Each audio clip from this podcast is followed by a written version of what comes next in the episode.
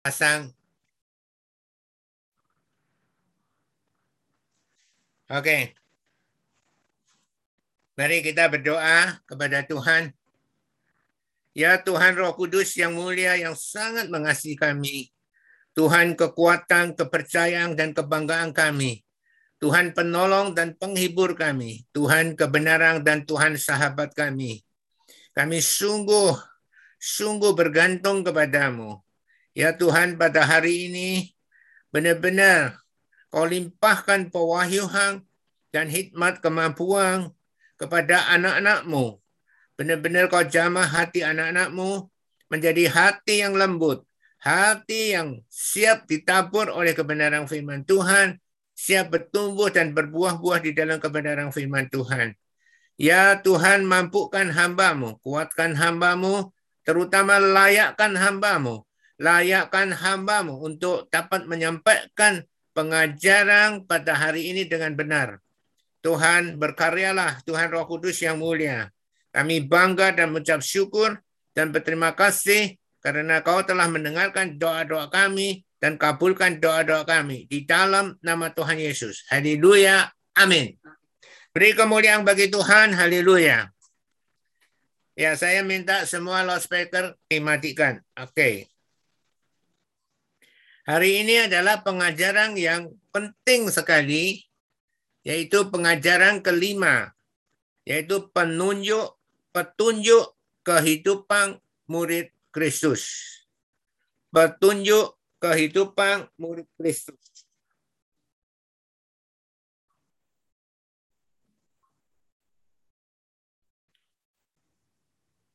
Petunjuk kehidupan murid Kristus. Yaitu Alkitab, saudara. Memang Alkitab murah sekali karena disubsidi. Jadi sekarang mungkin tidak 30 ribu, mungkin 50 ribu. Tetapi itu tetap murah sekali. Ya, bisa dipakai untuk selama-lamanya. Semua orang mampu untuk membelinya. Dan sekalipun Alkitab mudah didapat, tetapi Alkitab itu adalah satu buku petunjuk kehidupan murid Kristus. Di dalam dunia ini ada buku yang tak terhitung jumlahnya.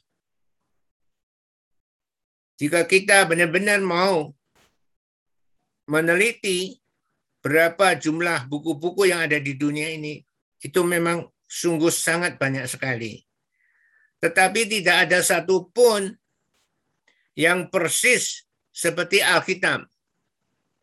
Walaupun banyak jutaan, tetapi tidak ada yang persis seperti Alkitab. Saudara, Alkitab bukan diciptakan oleh manusia. Perhatikan, semua buku yang ada di dunia ini diciptakan oleh manusia. Oleh ide-ide yang mereka tangkap dan oleh pengalaman-pengalaman mereka yang mereka alami dan mereka tulis di dalam buku. Tetapi tidak ada yang seperti Alkitab karena Alkitab bukan diciptakan oleh manusia tetapi adalah melalui terharunya Roh Kudus. Perhatikan. Karena ya melalui terharunya Roh Kudus. Jadi Roh Kudus menjadi terharu dan dijadikan.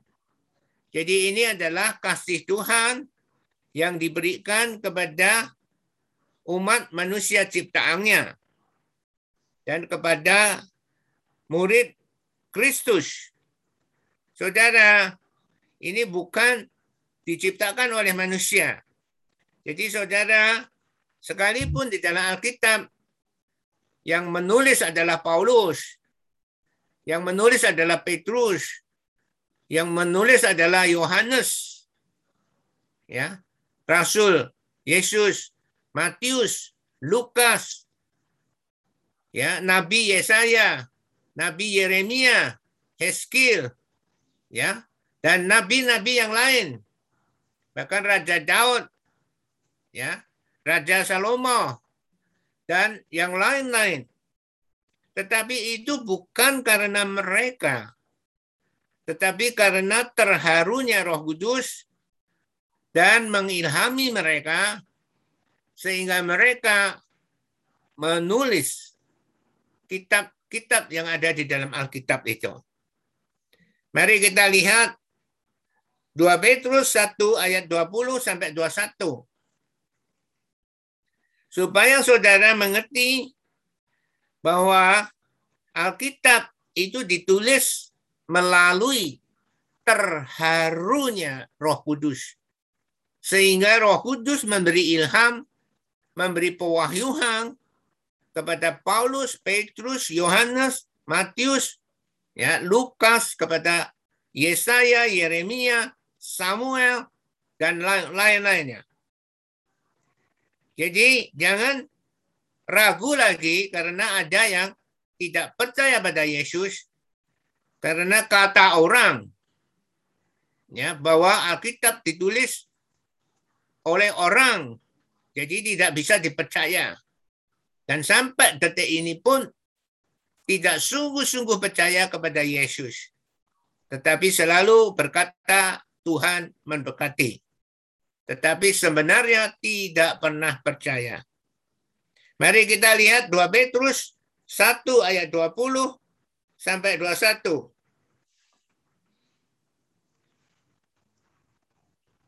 Dua Petrus ayat 1 pasal 1 ayat 21. Sebab tidak pernah nubuat dihasilkan oleh kehendak manusia. Di sini ditegaskan tidak pernah. Jadi saudara harus percaya tidak pernah nubuat dihasilkan oleh kehendak manusia. Petrus bisa menulis, itu berarti Petrus berbicara mewakili Tuhan. Paulus bernubuat, yaitu Paulus berbicara mewakili Tuhan. Tetapi di sini disebut sebab tidak pernah, perhatikan, tidak pernah nubuat dihasilkan oleh kehendak manusia, tetapi oleh dorongan Roh Kudus, oleh dorongan Roh Kudus, orang-orang berbicara atas nama Allah. Orang-orang yaitu termasuk Paulus, termasuk Petrus, Yohanes, Matius, Lukas, ya Yesaya, Yeremia, ya Samuel, ya Musa, tetapi oleh dorongan Roh Kudus, orang-orang berbicara atas nama Allah. Jadi saudara harus percaya Alkitab itu benar-benar melalui terharunya Roh Kudus dan dijadikan. Jika kita ragu terhadap Alkitab, maka kita juga akan ragu terhadap apa yang dikatakan oleh Alkitab. Tetapi kadang kita lebih percaya pada kata-kata orang sekalipun itu pendeta, pendeta yang terkenal, ya, sekalipun itu pastor, pastor yang ada di gereja Katolik, ya, sekalipun itu orang-orang ternama yang mengatakan dia percaya pada Yesus, Saudara lebih percaya kepada mereka daripada kepada Alkitab. Saudara, kembalilah kepada Alkitab dan hakim terakhir adalah Alkitab itu sendiri. Karena Alkitab ditulis oleh ilham, oleh dorongan roh kudus, orang menulis Alkitab. Jadi saudara, harus mengerti sekalipun di dunia ini banyak buku, sekalipun itu buku Kristen, untuk menjelaskan pengalaman-pengalaman dia, dia bergaul dengan Tuhan, sekalipun buku itu menceritakan bahwa dia dibawa oleh Tuhan Yesus ke surga 40 hari 40 malam dan dan dan sebagainya.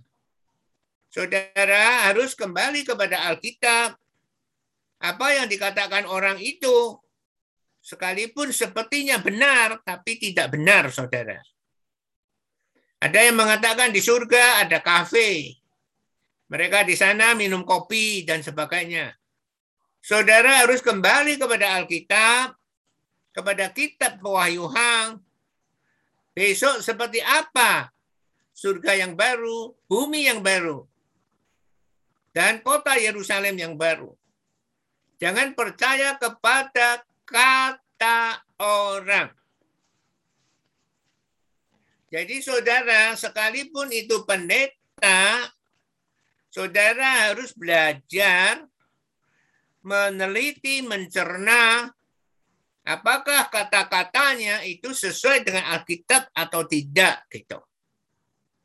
Contoh adalah ibadah offline. Apakah itu sesuai dengan Amsal 22 ayat 3? Contoh yang konkret itu adalah Amerika. Ketika mereka mengadakan pertandingan tenis, saudara tahu tenis ada berapa turnamen? Ada yang di Inggris, Wimbledon, ada yang di Amerika, Amerika Open, ada yang di Australia Open, dan dan dan. Di Amerika Open mereka duduk berjejeran tanpa jarak, tanpa masker, berteriak-teriak mendukung pemainnya. Apakah itu benar, saudara? Ya benar. Maka Amerika sampai sekarang ya satu harinya 111 ribu orang yang kena, saudara. Kita berbahagia mempunyai presiden yang cakep, yang encer. Sekarang Indonesia 360 per harinya. Saudara, offline itu memang menyenangkan. Karena tubuh kita terdiri dari ya jasmani, jiwa dan roh. Jiwa butuh persekutuan. Kita pasti senang bisa bersekutu dengan teman-temannya sudah lama tidak kelihatan dan sebagainya. Tetapi Alkitab mengatakan kalau orang bijak melihat malapetaka, bersembunyilah ia ini adalah virus. Ya, kita hanya saling melewat saja. Jadi dia ke timur, saudara ke barat, hanya lewat saja saudara bisa tertular. Apalagi kita ibadah offline. Sekalipun itu dengan nama Tuhan. Sekalipun itu dengan nama Tuhan, ibadah kepada Tuhan, memuji, menyembah kepada Tuhan, tetapi itu kata orang. Ya kata pendeta yang mengadakan ibadah offline itu. Tetapi Alkitab mengatakan bahwa kalau orang bijak melihat malapetaka, bersembunyilah ia maka saudara, ini adalah contoh yang sangat sangat sangat simpel sekali supaya saudara mengerti sekali lagi sebab tidak pernah nubuat dihasilkan oleh kehendak manusia. Tidak pernah, saudara. Kita harus kembali kepada Alkitab. Sekalipun buku Kristen banyak sekali, tetapi saya anjurkan pada saudara kembali kepada Alkitab. daripada saudara mendengarkan pengalaman-pengalaman orang percaya yang tidak tentu 100% atau 90% benar mengartikan Alkitab.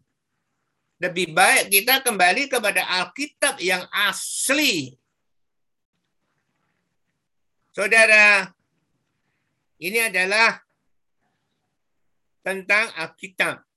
Jadi Alkitab itu bukan diciptakan oleh manusia, tetapi adalah melalui terharunya roh kudus dan dijadikan.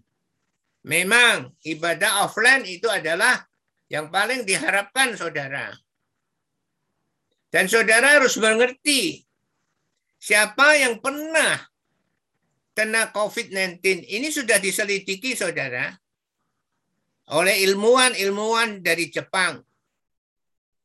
Siapa yang pernah kena COVID-19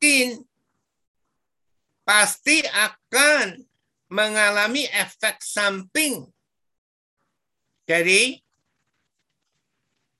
COVID-19 itu. Apa efek sampingnya? Efek sampingnya adalah kita tidak bisa fokus ketika kita berpikir.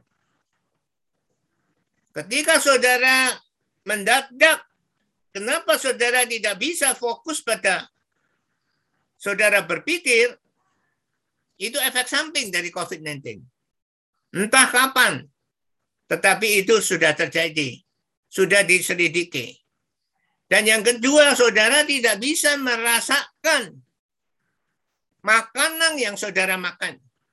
Entah itu asin, itu manis, entah itu pahit, atau gimana, saudara tidak bisa merasakan. Saudara percaya kepada firman Tuhan. Kalau orang bijak melihat malapetaka, bersembunyilah ia. Itu yang lebih penting. Saudara Jangan mengatas namakan nama Tuhan dan mengabaikan ya nasihat Tuhan. Ya, lebih baik percaya pada Alkitab daripada percaya kepada omongan orang lain. Saudara, ini adalah penting sekali saudara. Ya. Memang tidak enak ibadah Zoom ini tidak enak. Tapi ini mau ditahan sampai lama, saudara. Ada yang mengatakan nanti tahun 2002 bulan Januari itu sudah aman dunia terhadap COVID-19. Saudara jangan ditipu, saudara. Karena pabrik obat yang sedang membuat obat Katanya obatnya bisa menyembuhkan COVID-19. Itu obat dari Amerika. Jika saudara sudah tertular, saudara harus minum obat itu. Saudara harus mengeluarkan uang yang banyak.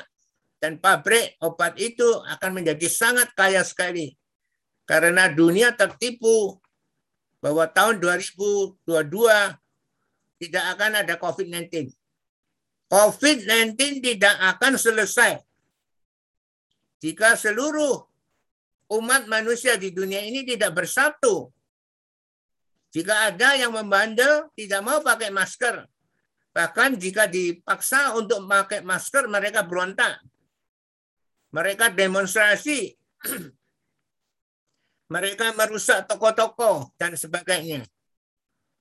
Saudara kita orang percaya jangan ikut ikutan. Jangan ibadah offline, percaya. Ya, jangan menganggap pastor adalah orang antik, saudara. Sekali lagi, bahwa sebab tidak pernah nubuat dihasilkan oleh kehendak manusia.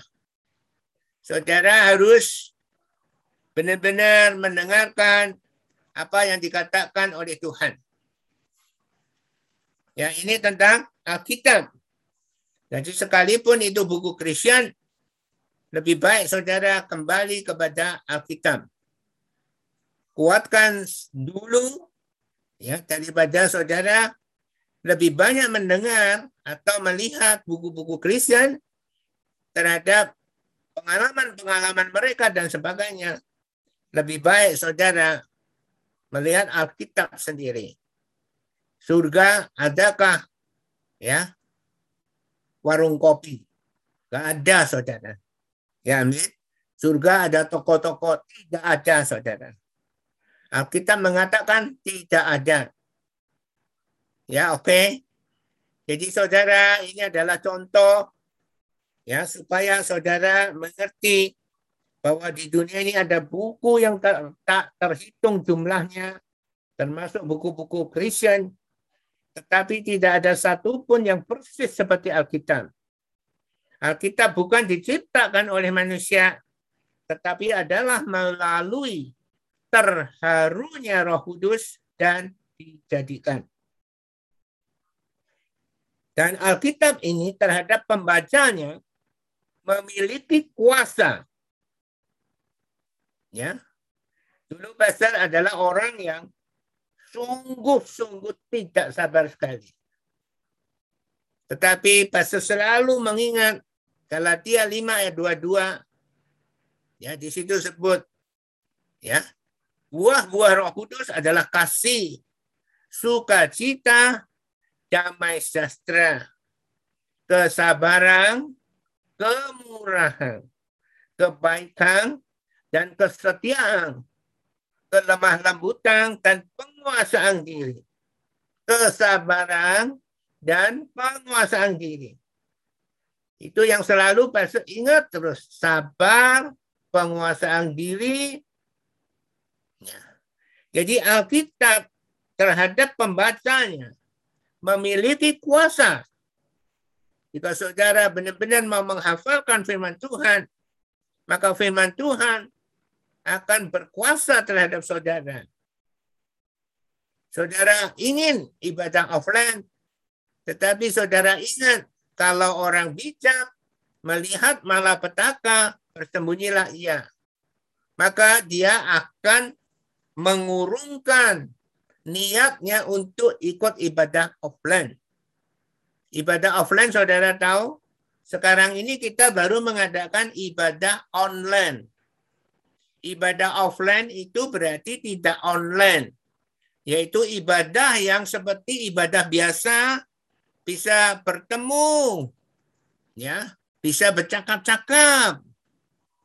Saudara, mengerti? Amin. Amin.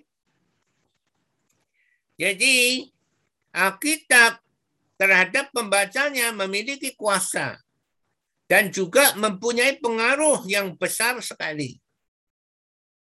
Ya karena Pastor terus membaca Alkitab, terus menghafalkan firman Tuhan, maka apa yang terjadi? Maka Alkitab mempunyai pengaruh yang besar sekali terhadap pastor. Jika saudara juga seperti itu, saudara juga akan mengalami bahwa ternyata saudara dipengaruhi oleh firman Tuhan. Ya, orang banyak di dunia ini tidak peduli dulu adalah seperti apa melalui membaca Alkitab setiap harinya dapat merubah kehidupan mereka. Ini contoh adalah istri pastor. Sejak dia suka membaca Alkitab, dia mulai berubah, saudara. Sama, pastor juga berubah karena menghafalkan firman Tuhan. Maka jika saudara juga seperti itu, saudara juga akan berubah. Kalau saudara tidak berubah, karena saudara tidak membaca Alkitab, karena saudara tidak menghafalkan firman Tuhan. Maka firman Tuhan keluar, masuk dari telinga kanan, keluar dari telinga kiri.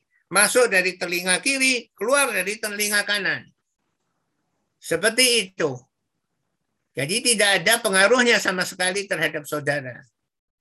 Tetapi jika saudara mau menghafalkan firman Tuhan, maka firman Tuhan itu sangat berpengaruh kepada saudara. Saudara akan tanpa sadar, saudara secara perlahan-lahan saudara dirubah oleh Alkitab. Yang dulu penakut menjadi pemberani, yang dulu suka gosip tidak suka gosip lagi, yang dulu suka ini itu tidak suka ini itu lagi dan sebagai sebagainya. Jadi ini adalah hari ini kita diajar petunjuk kehidupan murid Kristus adalah Alkitab. Jadi Alkitab bukan ditulis oleh manusia seperti orang-orang yang tidak percaya untuk mempengaruhi orang supaya jangan percaya Alkitab, supaya percaya pada dirinya karena dia seorang pastor atau seorang pendeta, maka mengharapkan bahwa yang mendengarkan omongan dia jangan men, jangan melihat Alkitab. Dengan alasan Alkitab ditulis oleh manusia. Sekali lagi, sebab tidak pernah nubuat dihasilkan oleh kehendak manusia. Jadi saudara harus mengerti tentang hal ini. Saudara jelas, amin. Amin. Nah, sekarang kita rinci lebih detail lagi. Yaitu kita mau belajar 1.1 manfaat membaca Alkitab. Manfaat saudara tahu yaitu uh, hasil baiknya membaca Alkitab atau gunanya membaca Alkitab, manfaat membaca Alkitab. 1.1 Saudara harus catat, kalau enggak besok pelajaran ini ya lupa lagi. Kalau saudara catat, besok diulangi lagi, saudara mengerti. Nah, di dalam manfaat membaca Alkitab ada lima manfaat di sini. Yang pertama, satu poin satu poin satu adalah firman Tuhan adalah makanan bagi kehidupan kita. Firman Tuhan adalah makanan bagi kehidupan kita orang-orang percaya. Firman Tuhan adalah makanan bagi kehidupan kita kita orang percaya. Dahulu ketika Solo terjadi kerusuhan dan teman-teman pastor yang tidak percaya kepada Tuhan Yesus dan mereka mengadakan satu gerakan untuk membantu saudara-saudara yang di Solo yang kena kerusuhan itu. Pastor spontan, itu barusan pastor percaya pada Tuhan, spontan mau menyumbang 100 buku Alkitab. Kalau buku Alkitab 30 ribu, 100 berarti sudah 300 ya berarti 3 juta. Tetapi pastor tidak menyumbang dengan uang, tapi nyumbang Alkitab. Tetapi orang itu marah. Kamu nyumbang Alkitab, apakah Alkitab bisa dimakan, disobek, dimakan, disobek, dimakan? Dia mengejek. Karena pastor barusan percaya, maka pastor hanya bisa menjelaskan bahwa di dalam Alkitab itu ada kemampuan Tuhan yang sehingga kita bisa mampu kembali menjadi kuat lagi. Tapi orang itu tetap tidak mau menerima sumbangan 100 Alkitab. Maka pastor dia tidak menyumbang. Jadi saudara, Manfaat membaca Alkitab adalah firman Tuhan adalah makanan bagi kehidupan kita, kita orang percaya. Kenapa saudara? Karena orang bukan hanya terdiri dari organ-organ jasmani dan dijadikan. Perhatikan bahwa orang bukan hanya terdiri organ-organ jasmani dan dijadikan. Orang bukan seperti binatang. tetapi dihembusi nafas hidup oleh Tuhan. Tetapi binatang diciptakan dari debu dan tanah, tetapi tidak dihembusi nafas hidup oleh Tuhan. Tetapi manusia dihembusi nafas hidup oleh Tuhan. Jadi orang bukan hanya terdiri dari organ-organ jasmani dan dijadikan. Tetapi di samping organ jasmani juga diberi jiwa dan diberi roh. Jadi jiwa dan roh. Sekarang jasmani dia butuh makanan. Yaitu seperti teman saya tadi. Solo ada kerusuhan, maka kita nyumbang. Tetapi maksudnya makanan yang disumbang. Ya, Indomie lah, Supermie lah. Pokoknya makanan. Memang jasmani butuh makanan, butuh roti, butuh nasi, butuh bakmi, butuh macam-macam. Tetapi manusia terdiri dari jasmani dan jiwa. Nah, jiwa adalah pikiran. Pikiran perlu berkomunikasi dengan orang lain. Maka orang rindu untuk ibadah langsung ibadah offline. Kepingin bicara. Ya, kalau keadaan normal oke, okay, tidak masalah. Tapi karena keadaan tidak normal, maka saudara bisa bayangkan lebih baik aku kena virus corona daripada aku tidak berkomunikasi dengan orang lain.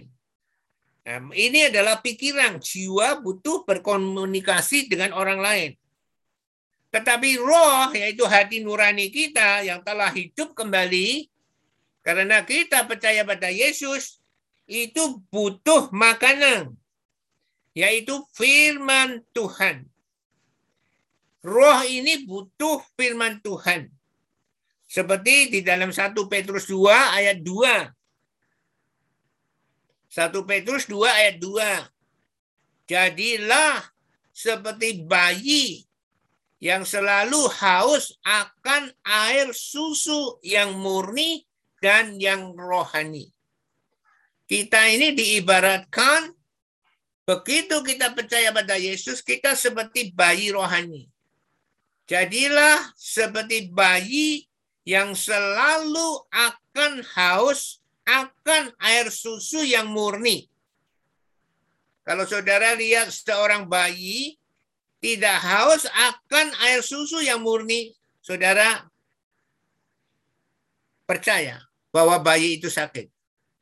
Jadi orang yang baru sang dilahirkan oleh Yesus, dia butuh ya air susu yang murni dan yang rohani. Yang murni, saudara. Maka saudara menerima pengajaran firman Tuhan itu jangan sampai salah harus murni. Yaitu khotbah harus dikotbahkan secara ekspositori.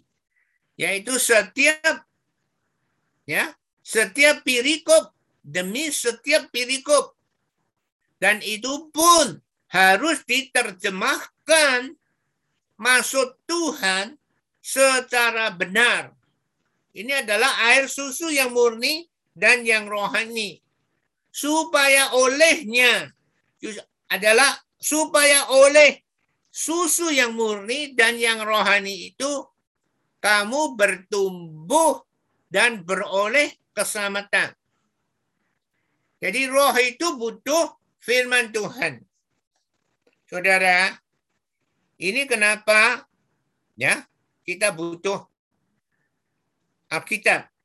Butuh membaca Alkitab.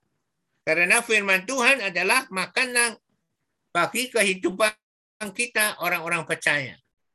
Ya, Pastor bersyukur sekali ketika Pastor di Jamah Listrik pada 26 Oktober 1997 di Melbourne di lapangan basket sekolah yang waktu waktu minggu tidak ada kegiatan sekolah dan ibadah di sana, pastor diurapi listrik selama tiga menit.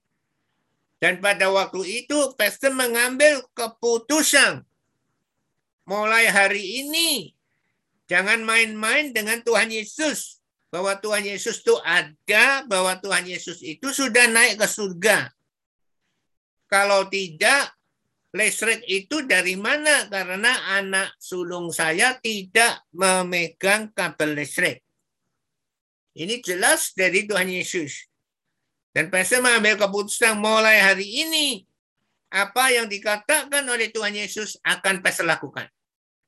Itu pastor terus pertahankan sampai detik ini. Sekalipun sudah sampai umur 72 tahun. Saudara umur 72 tahun, saudara tahu.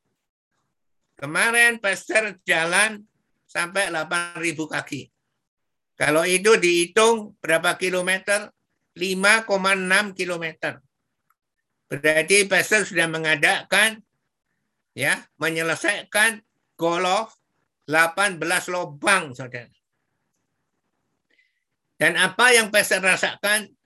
Semua sekujur tubuh adalah sakit semua.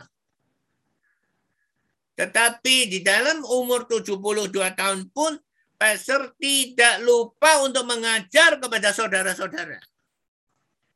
Dan bukan karena itu terus pastor menjadi lemah, menjadi ya sangat tidak semangat untuk mengajar saudara. Tetap semangat ketika mengajar.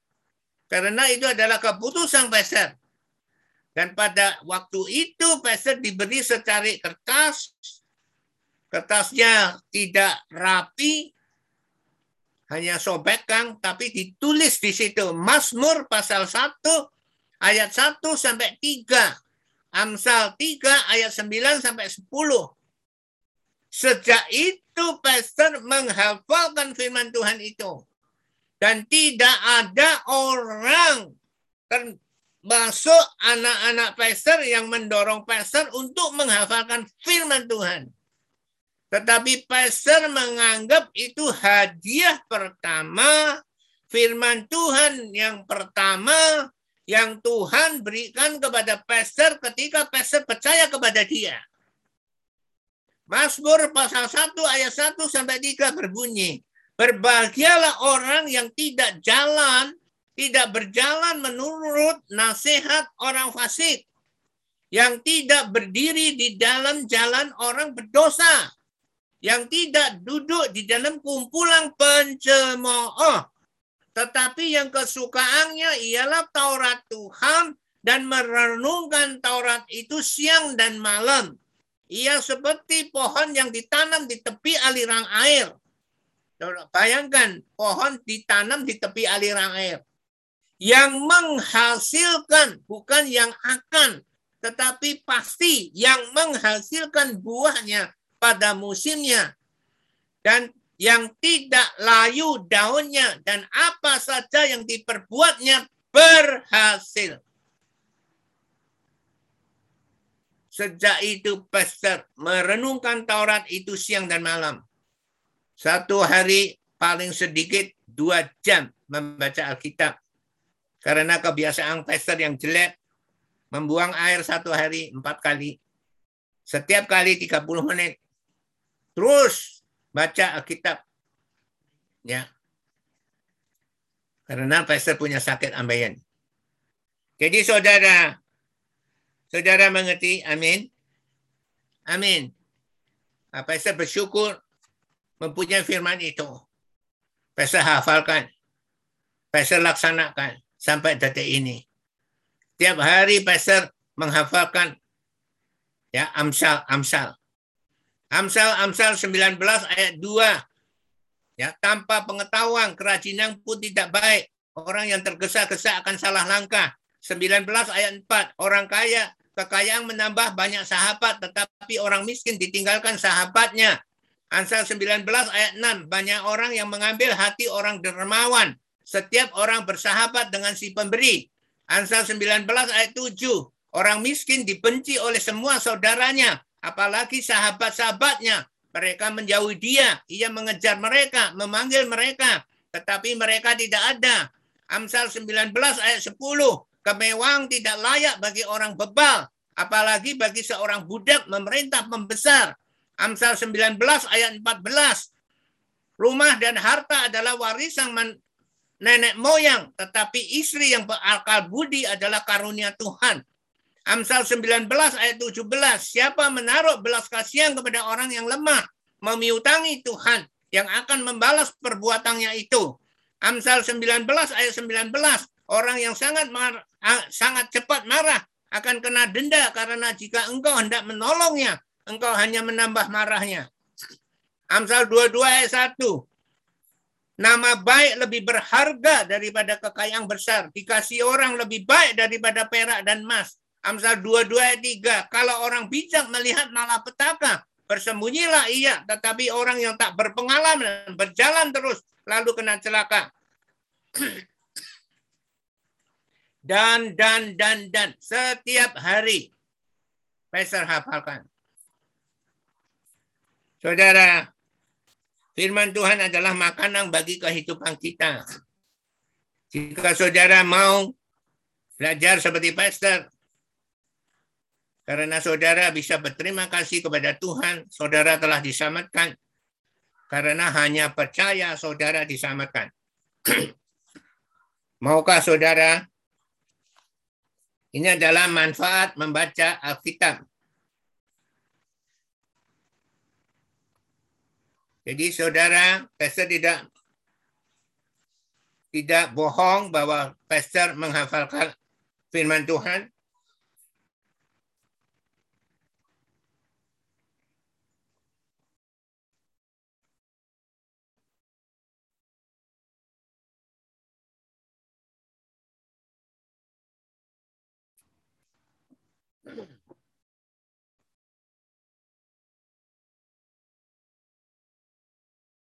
Saudara, ini adalah manfaat gunanya membaca Alkitab. Jika saudara mau menghafalkan, saudara akan mendapatkan manfaat yang lebih banyak. Yang kedua, manfaat membaca Alkitab yang kedua, 1.1.2. Firman Tuhan membimbing arah kehidupan kita. 1.1.2 firman Tuhan membimbing arah kehidupan kita. Firman Tuhan membimbing arah kehidupan kita. Di dalam Mazmur 119 ayat 105. Ah, Mazmur 119 ayat 105. Bunyinya adalah seperti ini. Firmanmu itu pelita bagi kakiku dan terang bagi jalanku. Kenapa pelita bagi kakiku? Karena sepatu orang Israel itu depannya ada pelita.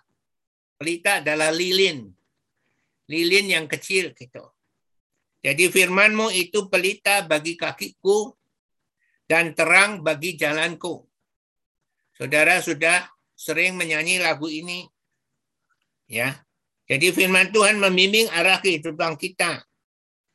Jadi kita bisa tahu kita butuh ibadah langsung atau ibadah offline atau kita butuh ibadah online seperti ini, Zoom.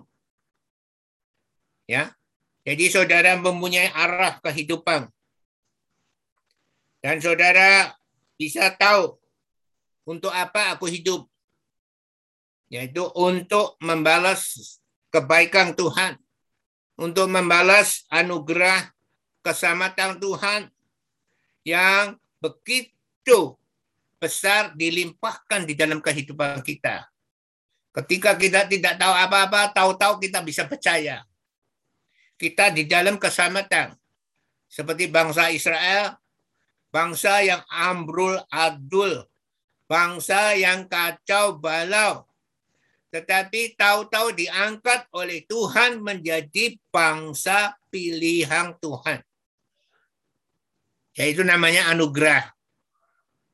Ya, jadi kalau saudara bisa berterima kasih, bisa membalas terima kasih, Maka apa yang Tuhan inginkan, itu yang saudara lakukan.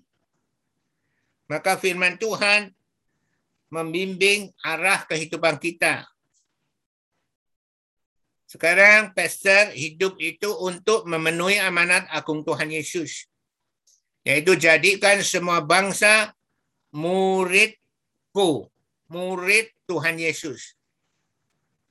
Pastor bukan mengajar anak-anak yang ada di Yogyakarta, bahkan yang telah dikembangkan Tuhan sampai ke kota Kudus, Cirebon, Toraja, ya, Ujung Pandang, Kendari, ya, Pekanbaru, Bali, ya, Nias, ya, Tarakang, Samarinda, Kalimantan, dan dan dan dan dan sampai tembus ke Singapura. Sekarang pastor mengajar ya seorang Singapura, seorang bos ya yang satu bulannya bisa membayar anak buahnya kurang lebih 500 sampai 750 juta per bulannya, saudara. 500 sampai 750 juta rupiah. Tetapi seorang bos ini Tuhan berikan kepada pastor untuk diajar.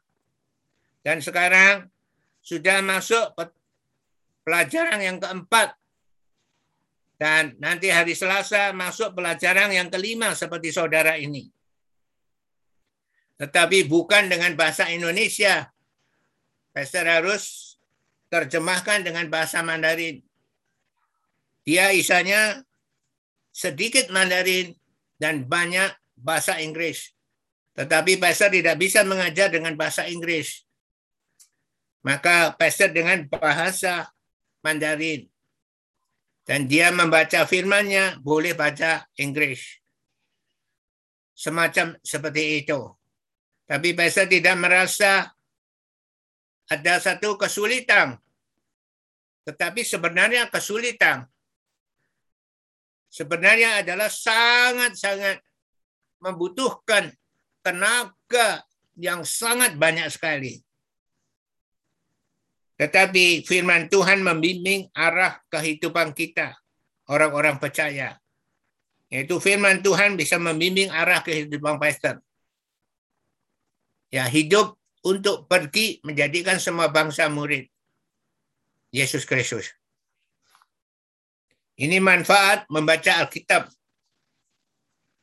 Saya berharap di dalam antara saudara mau dipakai oleh Tuhan Waktu Pastor umur 53 tahun, begitu Pastor mendengar di Bandung ada seorang bos, seorang pemilik pabrik, ingin mengenal firman Tuhan lebih. Hanya berkata ingin saja. Pastor dari Jogja ke Bandung. Jogja Bandung tanpa berhenti itu 12 jam, saudara naik mobil setiap minggu pulang pergi mengajar. Ya. Di antara saudara ada yang posisi tinggi. Ya, boleh dinamakan CEO. Ya. Saudara juga bisa dipakai oleh Tuhan. Jika saudara mau.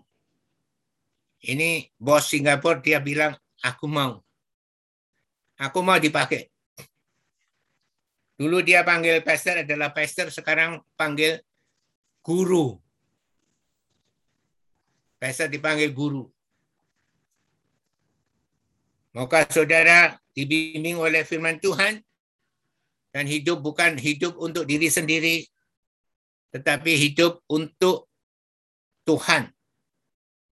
Yang ketiga, 1.1.3 di antara saudara ada yang umur sudah 70 tahun lebih. Saudara jangan meremehkan dirinya adalah aku sudah tua. Orang tua itu punya anak, menantu, dan cucu-cucu. saudara punya power untuk memenangkan anak, menantu, dan cucu-cucunya. Jangan pernah menganggap dirinya tua. Tidak ada gunanya.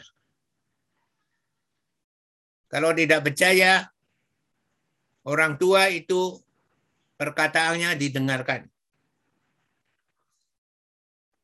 Ya, manfaat membaca Alkitab yang ketiga 1.1.3.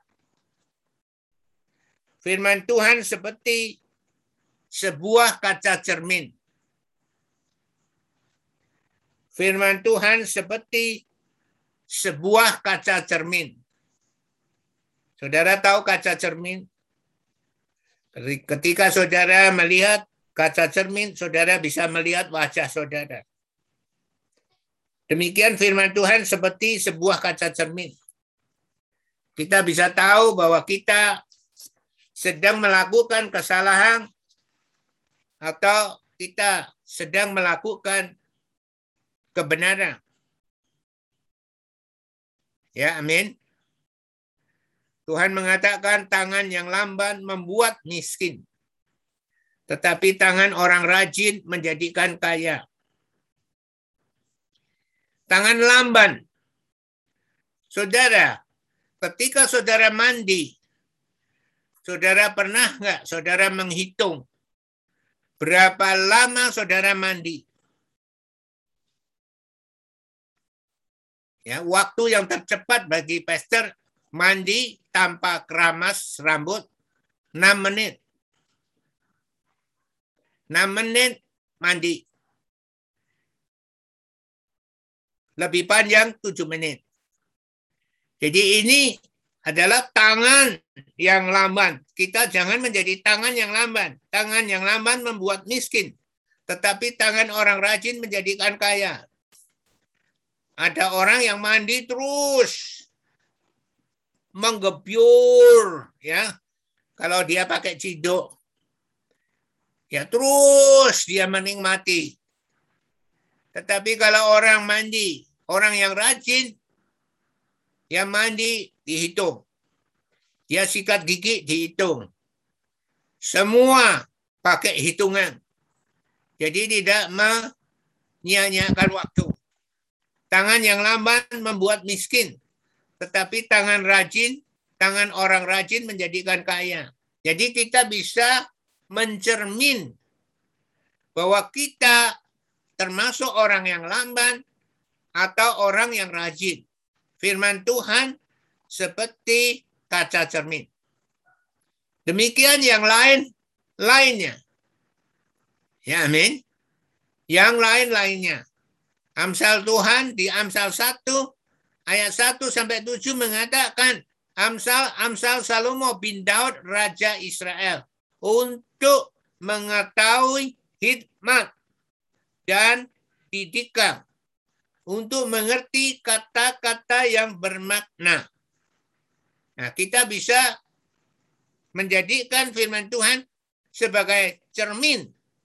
Apakah kita benar-benar memperhatikan amsal-amsal Salomo bin Raja Israel itu karena amsal-amsal Salomo ya untuk mengetahui hikmat yaitu kemampuan Tuhan untuk mengetahui hikmat dan didikan untuk mengerti didikan Tuhan untuk mengetahui didikan Tuhan untuk mengerti kata-kata yang bermakna Nah, kita bisa bercermin pada kita. Apakah kita sudah memperhatikan firman-firman Tuhan itu atau tidak? Dan, dan, dan lain sebagainya.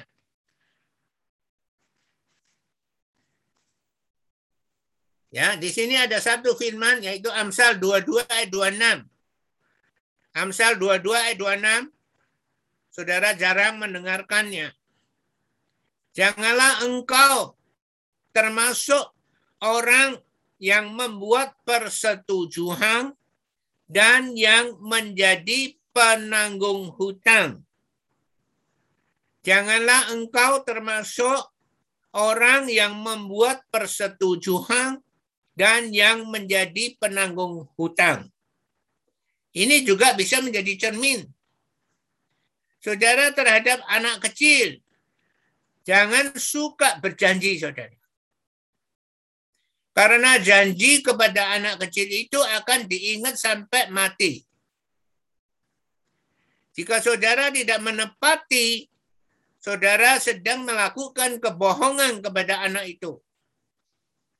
Janganlah engkau termasuk orang yang membuat persetujuan dan yang menjadi penanggung hutang. Apalagi saudara sering mengenalkan orang dan orang itu bisa hutang kepada teman saudara, saudara yang menjadi penanggungnya. Maka di Jogja ada satu toko habis. Dia kembali ke rumah tinggalnya. Tokonya kembali ke rumah tinggalnya yang tidak di pinggir jalan tapi di dalam. Karena dia menanggung hutang. Ada orang yang meminjam uang dan dia kenalkan kepada temannya, tetapi dia tidak bayar. Akhirnya yang nanggung dirinya sendiri. Demikian ada orang yang menjadi mak jomblang. Mengenalkan orang, akhirnya menjadi jodoh. Tetapi akhirnya jodoh itu tidak bahagia. Akhirnya orang itu mencela saudara. Ini adalah firman Tuhan. Janganlah engkau termasuk orang yang membuat persetujuan dan yang menjadi penanggung hutang. Maka orang-orang tua jangan menjadi mak jomblang bagi anak-anaknya. Maka teman-teman jangan menjadi mak jomblang bagi teman-temannya. Dia suka orang dan tidak suka orang itu haknya dia. Jangan ikut-ikut menjadi mak jomblang. Ini namanya mencermin. Ya, firman Tuhan sebagai kaca cermin. Jadi kita bisa memperhatikan kelakuan-kelakuan kita. Karena firman Tuhan sebagai cermin. Jadi kita hati-hati tidak mau menjadi mak jomblang. Pastor Moon tidak mau menjadi mak jomblang. Ya, saudara ini cocok dengan ini, saudara ini cocok dengan ini. Ya, kalau cocok, kalau nggak cocok. Akhirnya yang disalahkan adalah pastor. Saudara mengerti amin? Ya, ini manfaat dari ketiga. Firman Tuhan adalah kaca cermin bagi kita-kita orang percaya. Yang keempat, 1.1.4 1.1.4 kata kata-kata Alkitab dapat mempersiapkan kita untuk melakukan pekerjaan-pekerjaan baik dari Tuhan. Kata-kata Alkitab dapat mempersiapkan kita untuk melakukan pekerjaan-pekerjaan baik bagi Tuhan.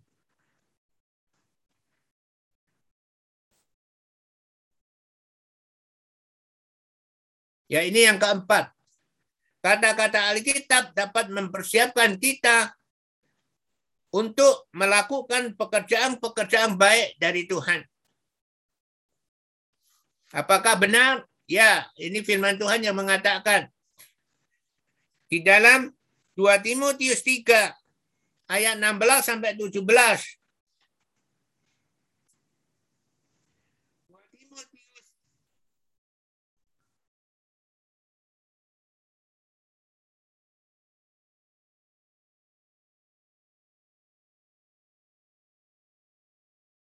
2 Timotius 2 Timotius 2 Timotius 3 ayat 16 sampai 17. Firman Tuhan mengatakan, segala tulisan yang diilhamkan Allah memang bermanfaat, yaitu berguna untuk mengajar, untuk menyatakan kesalahan, untuk memperbaiki kelakuan, dan untuk mendidik orang dalam kebenaran. Dengan demikian, tiap-tiap manusia kepunyaan Allah. Ini yang dimaksud tiap-tiap manusia kepunyaan Allah. Diperlengkapi untuk setiap perbuatan baik. Jadi firman Tuhan adalah ya bermanfaat untuk mengajar, untuk menyatakan kesalahan, untuk memperbaiki kelakuan, dan untuk mendidik orang dalam kebenaran. Maka kata-kata Alkitab dapat mempersiapkan kita untuk melakukan pekerjaan-pekerjaan baik bagi Tuhan. Saudara setuju? Amin. Ini adalah manfaat ya. Yang keempat, kegunaan membaca Alkitab yang keempat. Yang kelima, 1.1.5. Manfaat membaca Alkitab yang kelima, 1.1.5. Firman Tuhan akan dapat merubah kita lebih seperti Yesus Kristus. Firman Tuhan akan dapat merubah kita lebih seperti Yesus Kristus. Firman Tuhan akan dapat merubah kita lebih seperti Yesus Kristus. Ini dibuktikan di dalam Matius 5 ayat 48. Matius 5 ayat 48. Karena itu haruslah kamu sempurna. Sama seperti Bapakmu yang di surga adalah sempurna. Kata ayat 48 ini dimulai dari ayat 4 Ya. Kasihilah musuhmu dan berdoalah bagi orang yang menganiaya kamu. Karena dengan berbuat demikian, kamu akan menjadi anak-anak Bapakmu yang di surga. Yang menerbitkan matahari bagi orang jahat dan orang baik dan yang menurunkan hujan bagi orang benar dan orang tidak benar. Jadi Tuhan mengajar kepada kita, kasihilah musuhmu dan berdoalah bagi orang yang mengenai kamu. Jadi firman Tuhan akan mendidik kita. Karena dengan berbuat demikian kamu menjadi anak-anak Bapakmu yang di surga. Bapak yang di surga seperti apa? Yaitu yang menerbitkan matahari bagi orang yang jahat. Bukan orang baik, tetapi orang jahat dulu. Yang menerbitkan matahari bagi orang jahat dan orang baik. Orang jahat yang disebut dulu.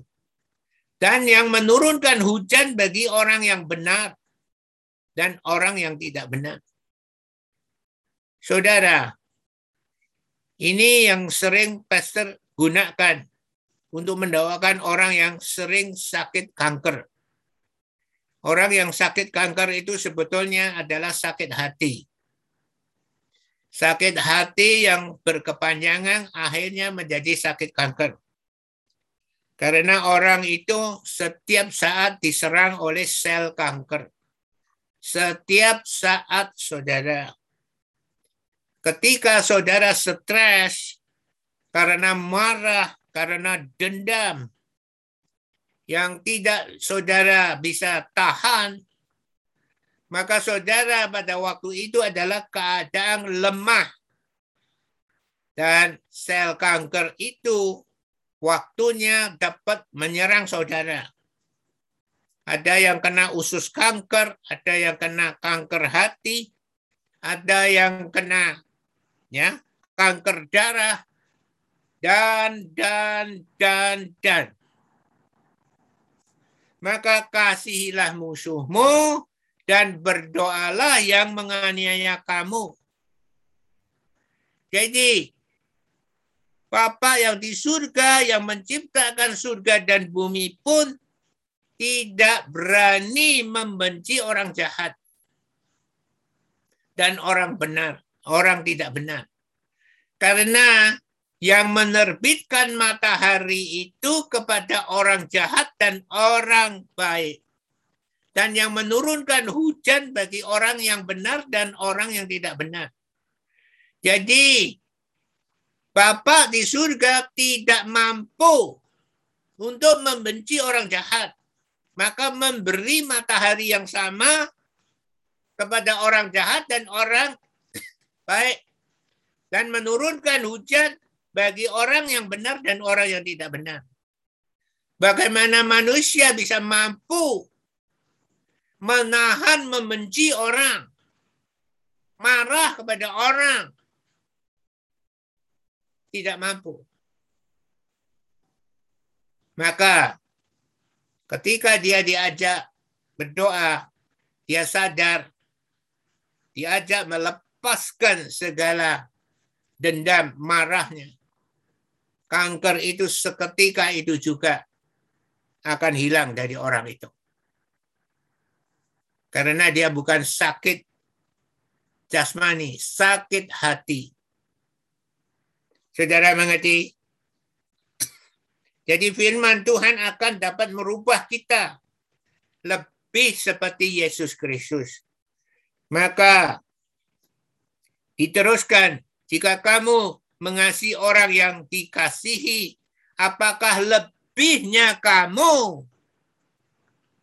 Sebab orang-orang yang tidak mengenal Allah pun mengasihi orang ya orang-orang yang dikenalnya.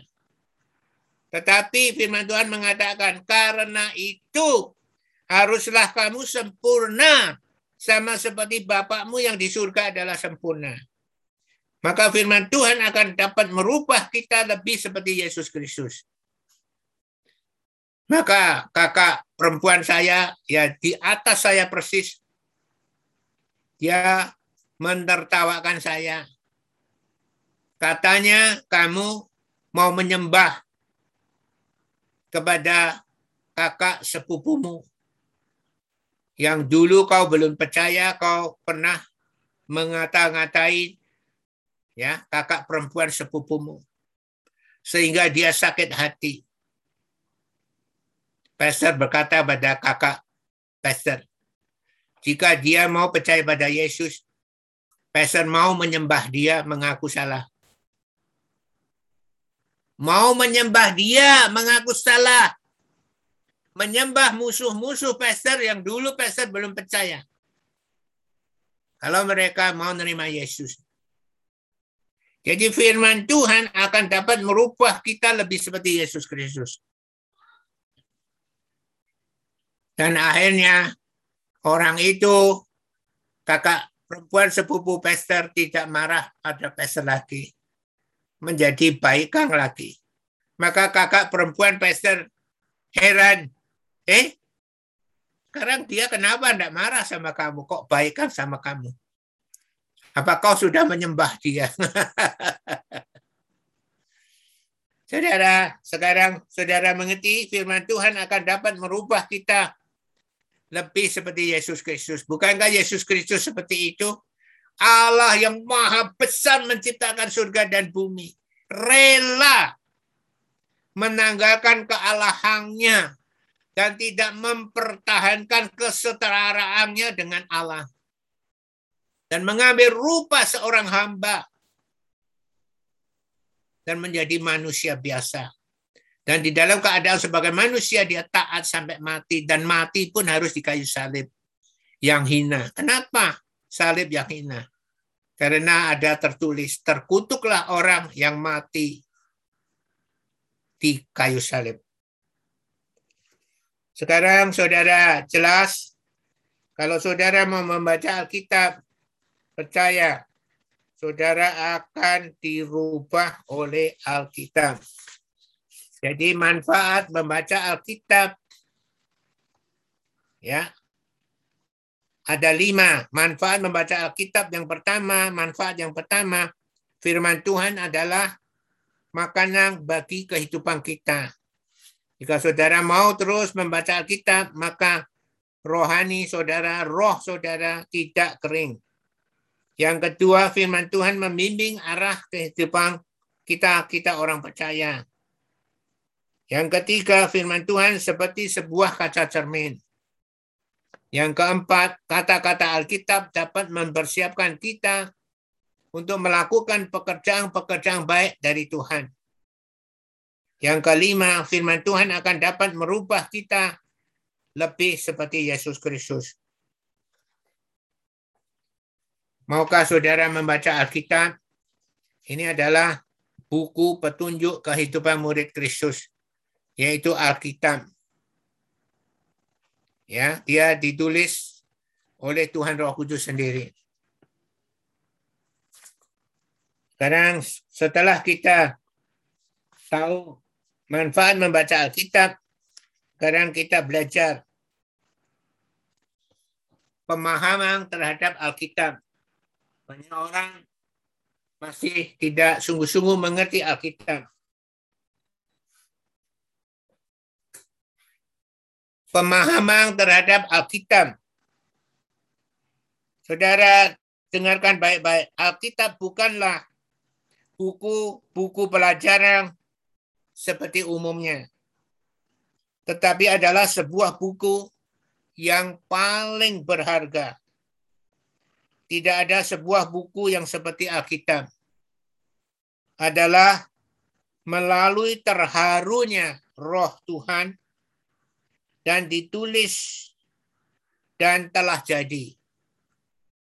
Ini sudah jadi Alkitab. Demi supaya orang untuk mengenal Tuhan. Alkitab ada 66 buah buku. Ya, Termasuk satu Yohanes itu satu buku, dua Yohanes satu buku, tiga Yohanes satu buku, satu Petrus satu buku, dua Petrus satu buku, ya satu Timotius satu buku, dua Timotius satu buku, satu Korintus satu buku, dua Korintus satu buku. Alkitab ada 66 buah buku melalui dari 40 melalui dari lebih 40 orang pengarang yang terdiri dari latar belakang.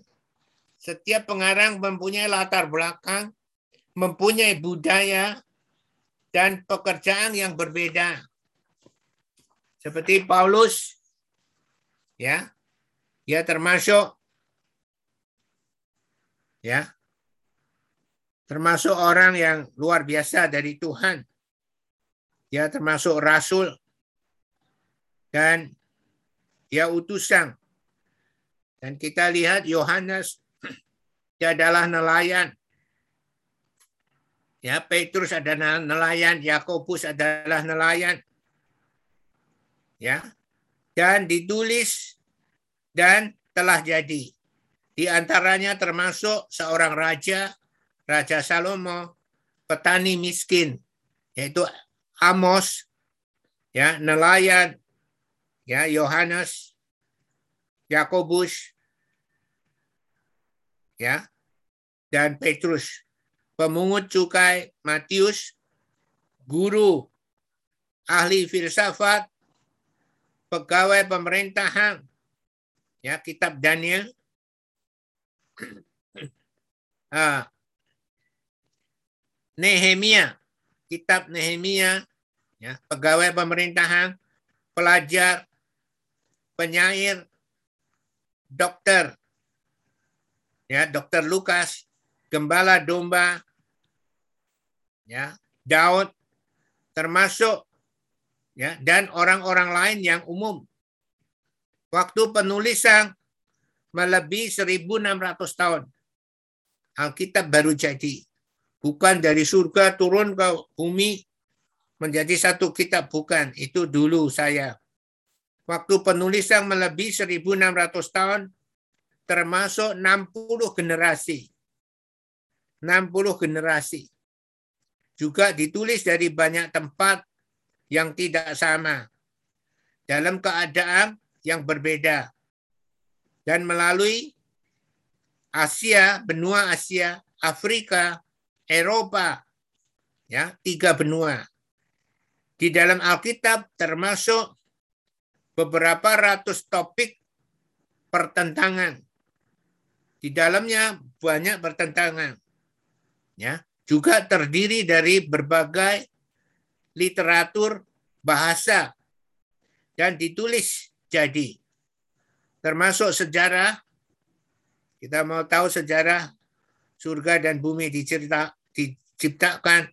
Syair-syair, Mazmur, hukum. Ya. Hukum Taurat, nubuatan, nubuatan.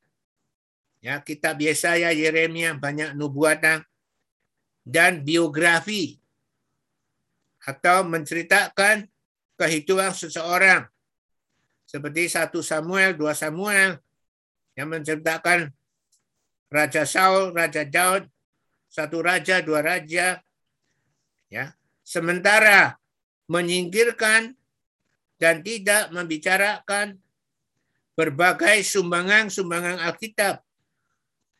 Alkitab adalah sebuah satu-satunya buku yang tidak ada duanya.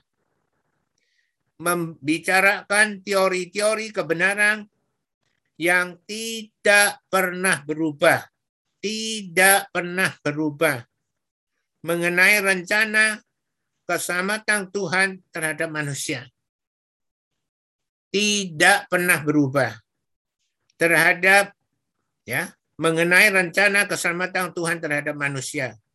Lingkup dan level yang sangat spesial ini lebih menjadi kesaksian yang kuat terhadap buku yang diciptakan oleh Tuhan.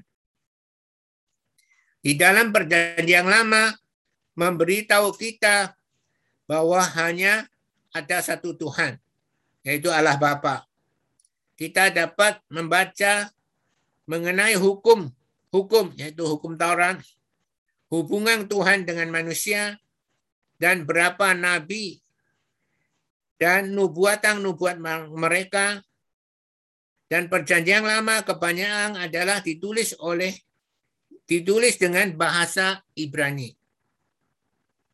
Di dalam perjanjian baru memberitahu kita Yesus Kristus adalah juru selamat semua orang.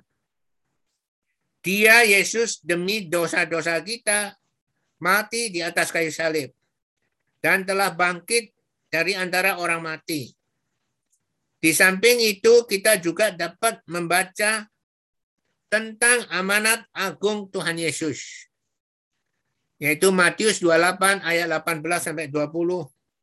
Pekerjaan dia Yesus adalah seperti pemimpin gereja.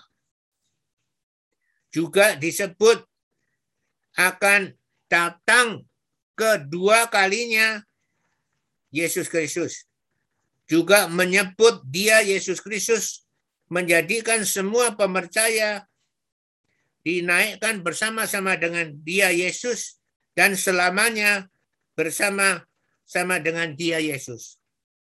Perjanjian baru adalah ditulis jadi menggunakan bahasa Yunani. Ini adalah pemahaman tentang Alkitab, yaitu ditulis lebih dari 40 orang makan waktu 1600 tahun melalui 60 generasi. Ditulis jadi temanya adalah keselamatan bagi umat manusia.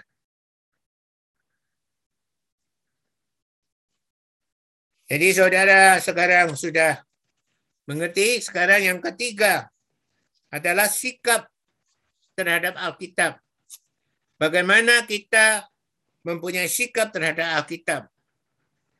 Sikap saudara tahu, jika ada orang datang bertamu di, di tempat saudara, kalau saudara bilang, mari silahkan masuk, duduk-duduk, berarti saudara mempunyai sikap yang ramah. Tetapi jika ada orang datang dan saudara, untuk apa kau saudara datang? Kalau saudara menyambutnya dengan seperti itu, berarti saudara mempunyai sikap yang tidak berteman. Saudara tahu sikap ya sikap terhadap Alkitab. Bagaimana kita mempunyai sikap terhadap Alkitab? Yang 1.3.1 kita harus mentaati pengajaran-pengajaran Alkitab. Ini sikap pertama. Kita harus mentaati pengajaran-pengajaran Alkitab. Kenapa saudara? 2 Timotius 3 ayat 16 sampai 17.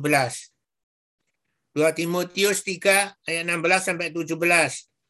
Segala tulisan yang diilhamkan Allah memang bermanfaat untuk mengajar, untuk menyatakan kesalahan, untuk memperbaiki kelakuan, dan untuk mendidik orang dalam kebenaran.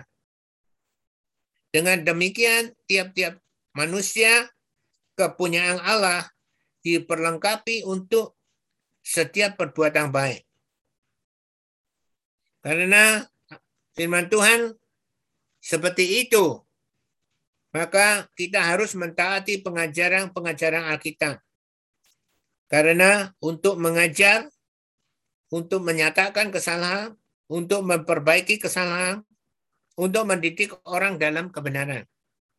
Maka kita butuh mentaati. Jika kita mentaati, kita juga akan dirubah. Sikap terhadap Alkitab yang kedua 1.3.2 sikap yang rindu pada firman Tuhan. Sikap yang rindu pada firman Tuhan. Kita harus jadi seperti bayi. Dan jadilah sama seperti bayi yang baru lahir. Yang selalu ingin akan air susu yang murni dan yang rohani. Dan yang supaya olehnya kamu bertumbuh dan beroleh keselamatan. Jadi kita punya sikap yang rindu pada firman Tuhan. Kalau saudara punya sikap yang rindu pada firman Tuhan, saudara pasti menghafalkan firman Tuhan. Sikap terhadap Alkitab yang ketiga adalah 1.3.3 yaitu harus punya iman. Harus punya iman.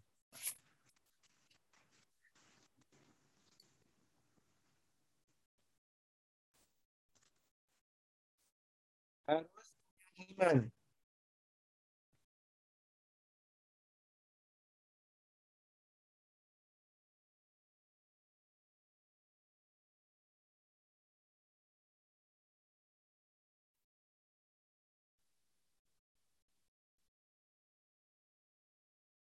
Kita lihat Ibrani 11 ayat 6.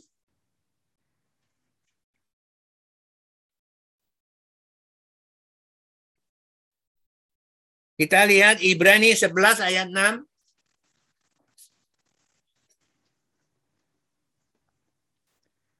Tetapi tanpa iman, yaitu tanpa percaya, tidak mungkin orang berkenan kepada Allah. Saudara tahu berkenan, yaitu menyenangkan Allah. Tetapi tanpa iman, tanpa percaya, tidak mungkin orang berkenan kepada Allah. Sebab barang siapa berpaling kepada Allah, ia harus percaya bahwa Allah ada.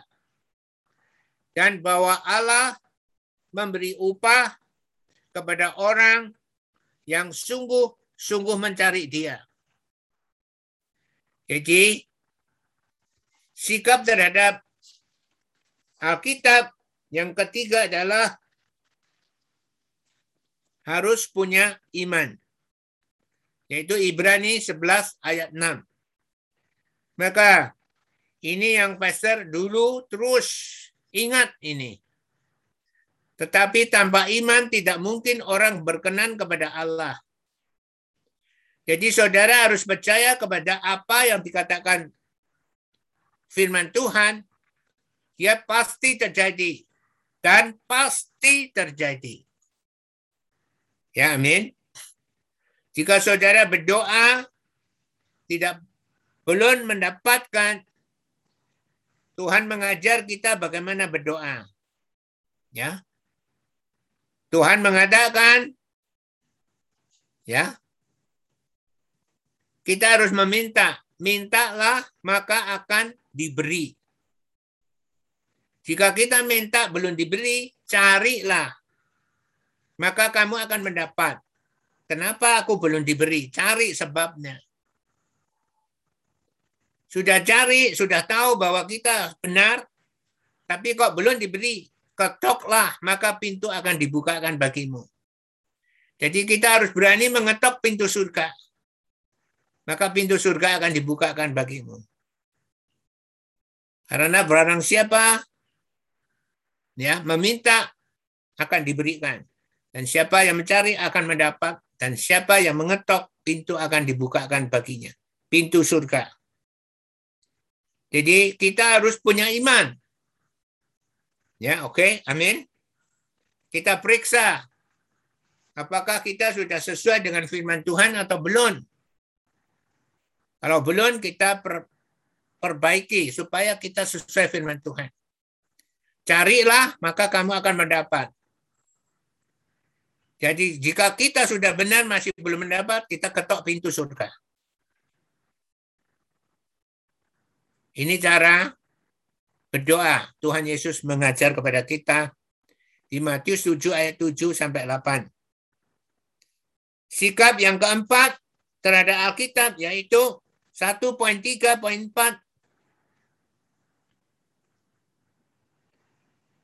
kita mempraktekkan bagaimana menggunakan firman Tuhan di dalam kehidupan kita sehari-hari.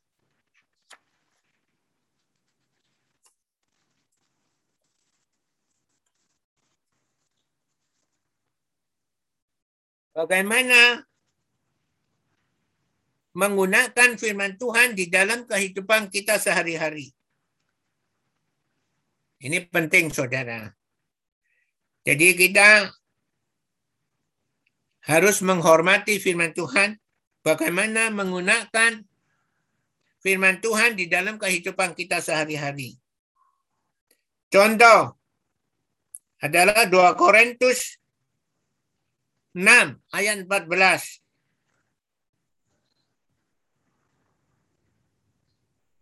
Dua Korintus 6 ayat 14. Janganlah kamu merupakan pasangan yang tidak seimbang dengan orang-orang yang tak percaya. Sebab persamaan apakah terdapat antara kebenaran dan kedurhakaan.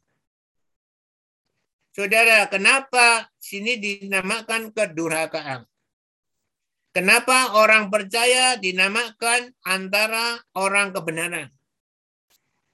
Di dalam Injil Yohanes pasal 1 ayat 10 sampai 12 saudara catat Injil Yohanes pasal 1 ayat 10 sampai 12. Siapa Yesus adalah firman yang telah menjadi manusia. Yaitu dia telah datang ke dalam dunia. Dunia dijadikan olehnya. Tetapi dunia tidak mengenalnya. Ia datang kepada milik kepunyaannya. Tetapi orang-orang kepunyaannya tidak menerimanya. Tetapi semua orang yang menerimanya akan diberi kuasa supaya menjadi anak-anak Allah, yaitu mereka yang menerimanya dalam namanya. Nah, dia datang kepada milik kepunyaannya, tetapi orang-orang kepunyaannya tidak menerimanya. Maka ini yang dinamakan durhaka. Diciptakan oleh Tuhan tetapi tidak mau percaya. Jadi saudara bisa membedakan orang percaya adalah orang kebenaran, orang yang tidak percaya adalah orang yang durhaka. Maka 2 Korintus 6 ayat 14 mengatakan Janganlah kamu merupakan pasangan yang tidak seimbang dengan orang-orang yang tak percaya. Sebab persamaan apakah terdapat antara kebenaran dan kedurhakaan? Atau bagaimanakah terang dapat bersatu dengan gelap? Orang percaya adalah orang kebenaran, dia di, diibaratkan adalah terang. Orang yang tidak percaya adalah orang yang durhaka, diibaratkan adalah gelap. Jadi kalau kita mau menikah, harus dengan orang yang percaya. Tetapi kalau kita mengasihi orang yang belum percaya, kita boleh sabar memberitakan Injil kepadanya sampai dia bisa menerima. Tapi jangan jatuh cinta dulu kepada orang yang belum percaya. Karena cinta itu adalah buta. Saudara mengerti? Ini cara bagaimana menggunakan firman Tuhan di dalam kehidupan kita sehari-hari. Ini adalah salah, salah satu contoh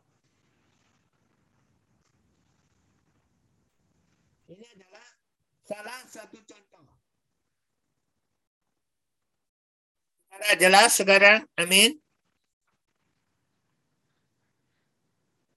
Jadi jangan jatuh cinta dulu karena cinta itu buta.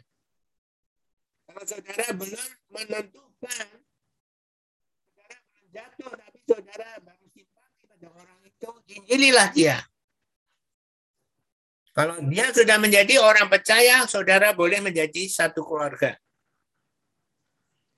Maka di dalam 2 Korintus 6 ayat 16 sampai 17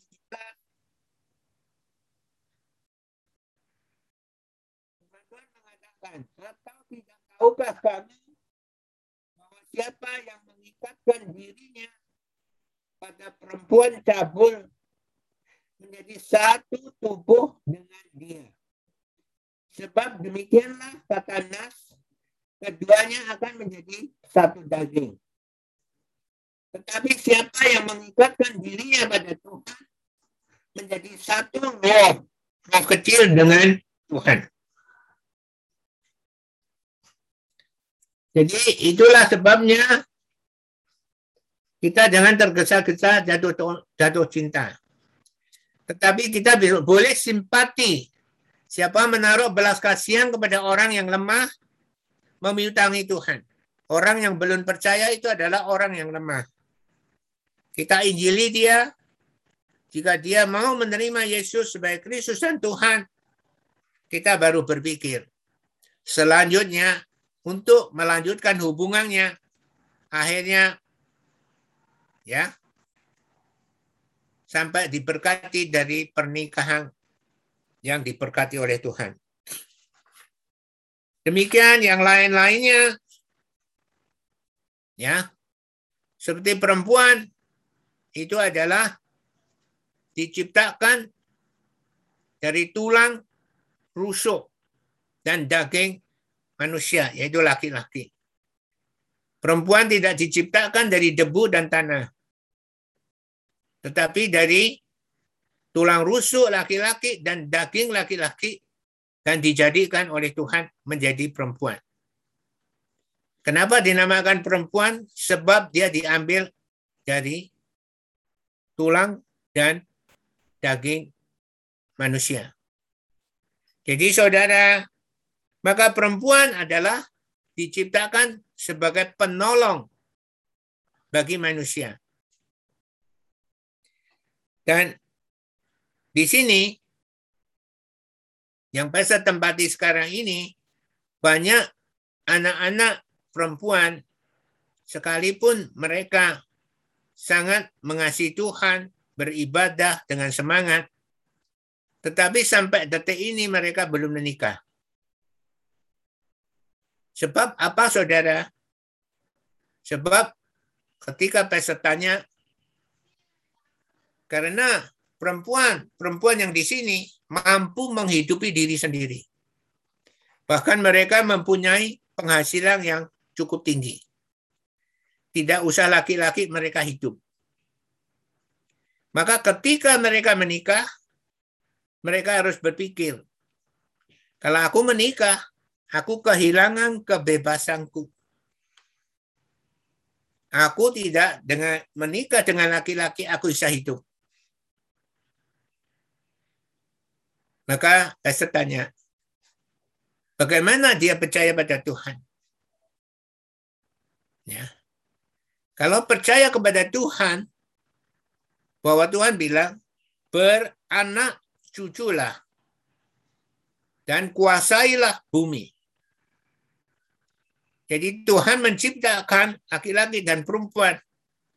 Itu adalah pada mula-mulanya Tuhan menghendaki laki-laki dan perempuan menjadi satu. Tetapi Paulus ditanya, kenapa kau tidak menikah? Paulus hanya menjawab bahwa itu adalah karunia.